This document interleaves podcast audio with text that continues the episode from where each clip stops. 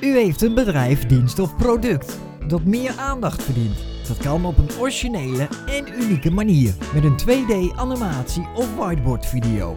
Voor meer informatie kijk je op www.topexplainer.nl In Vandaag de Dag neem ik je mee naar het laatste nieuws, het entertainment nieuws en het nieuws van vandaag uit het verleden. In no time ben je weer helemaal actueel en up-to-date. Zelf reageren op Vandaag de Dag? Mail naar vandaagdedag.davegerrits.nl Dit is Vandaag de Dag met Dave Gerrits. Hartelijk welkom, het is maandag 18 november 2019 met vandaag... OM onderzoekt racisme bij Den Bosch Excelsior...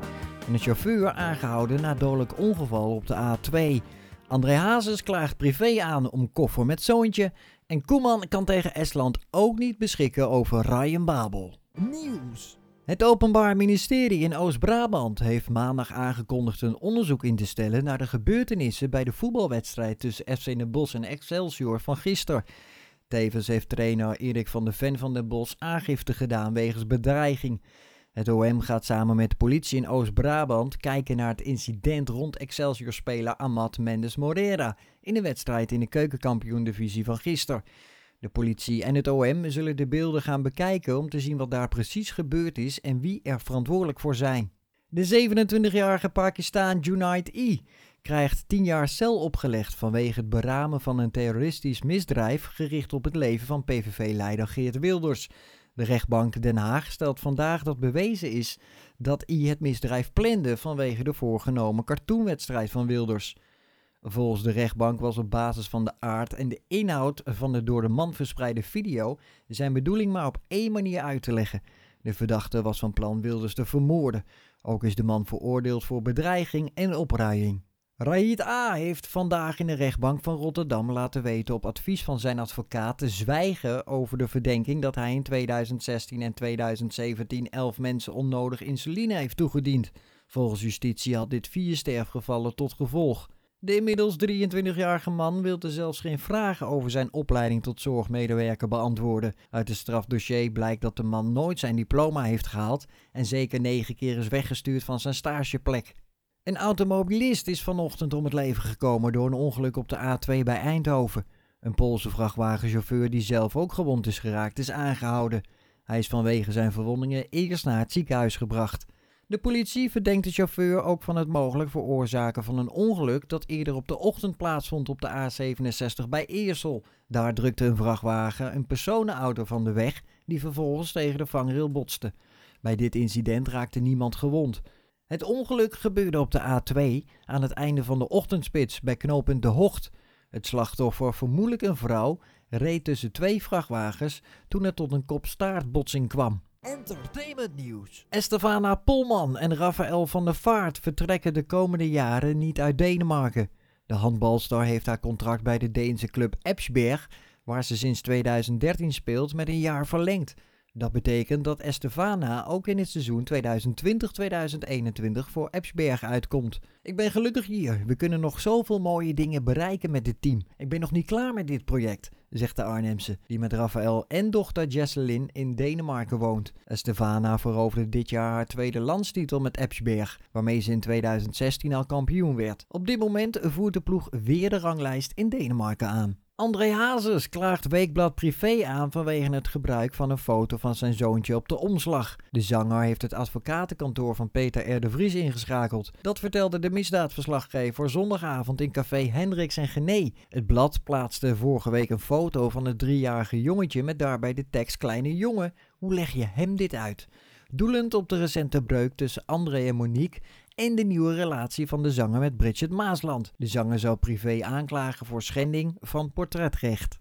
Bonnie Sinclair viert vandaag niet alleen haar 70ste verjaardag. De zangeres, die al jaren worstelt met een alcoholprobleem, is ook 15 maanden nuchter. Ik drink al meer dan een jaar niet meer, geen druppel alcohol. En dat niet van de ene dag op de andere, maar van de ene minuut op de andere, zegt Bonnie in de Telegraaf.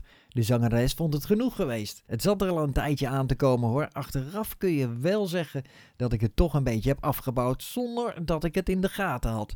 Het smaakte me gewoon ook niet meer. Bonnie miste alcohol niet en is naar eigen zeggen een veel vrolijkere vrouw. Sportnieuws. Bondscoach Ronald Koeman kan dinsdag in de EK-kwalificatiewedstrijd van Nederland tegen Estland ook niet over Ryan Babel beschikken. De aanvaller is niet ongeschonden uit het duel met Noord-Ierland van zaterdag gekomen. Het is niet duidelijk met welke blessure de 32-jarige Babel kampt, maar hij is in ieder geval niet fit genoeg voor het treffen met Estland. De 63-voudige international keert terug naar zijn club Galatasaray. Vandaag de dag in het verleden. 18 november 1916. In de Eerste Wereldoorlog komt er een eind aan de slag om de Somme. Sinds de gevechten op 1 juli begonnen zijn, 1.260.000 militairen gesneuveld. En 18 november 1918. Duizenden Nederlanders verzamelen zich op het Malieveld in Den Haag om koningin Wilhelmina en prinses Juliana toe te juichen. Daarmee laten ze zien dat ze het niet eens zijn met SDAP-leider Troelstra. Die had verkondigd dat de Nederlandse arbeidersklasse de politieke macht zou grijpen. De oranje klanten maken duidelijk dat ze niets voelen voor een revolutie. 18 november 1963. Het Amerikaanse CBS Nieuws bericht over het eerst over de Beatles. Een verslaggever in Engeland vertelt hoe populair de vier uit Liverpool zijn. De Beatles hadden toen nog niet in de VS opgetreden. 18 november 1990. Goed nieuws voor de buitenlanders die vastzitten tijdens de Golfoorlog in Irak. De Iraakse leider Saddam Hussein belooft dat ze vanaf eerste kerstdag het land mogen verlaten. En 18 november 2003. Politiemensen vallen ne Neverland binnen, het landgoed van Michael Jackson in Californië. De agenten hebben een arrestatiebevel op zak voor de zanger en hij wordt verdacht van seksueel misbruik van een 12-jarige jongen. Op het moment van de inval is Jackson niet thuis. Later meldt hij, meldt hij zichzelf bij de politie. Nadat hij een borgsom van 3 miljoen dollar heeft betaald, wordt hij weer vrijgelaten. Later moet hij zich wel verantwoorden voor de rechtbank. Het weer. Bewolking overheerst en banden met regen trekken langzaam over het land. Regionaal is ook geruime tijd droog. De meeste neerslag valt later vanmiddag en vanavond in het oosten. Het is 5 tot 9 graden en er waait een matige tot krachtige noordwestenwind. Aan zee is de wind soms hard. In de avond en nacht wordt het vanuit het zuiden op steeds meer plaatsen droog. Dit was vandaag de dag van maandag 18 november 2019. Dankjewel voor het luisteren. Ik waardeer het enorm als je deze podcast blijft volgen en deelt. Je vindt mij ook op social media, Twitter Dave Gerrits, Instagram Dave Gerrits 1 en meer informatie over deze podcast op www.davegerrits.nl. Ik wens je nog een hele fijne dag en tot morgen. Heb jij of ken jij iemand die een bijzonder verhaal heeft? Voor het goede doel? Heb je een zware zorgtaak? Of een hart van goud? En wil jij dit bijzondere verhaal delen? Neem dan contact op. Meer informatie is te vinden op www.davegerrits.nl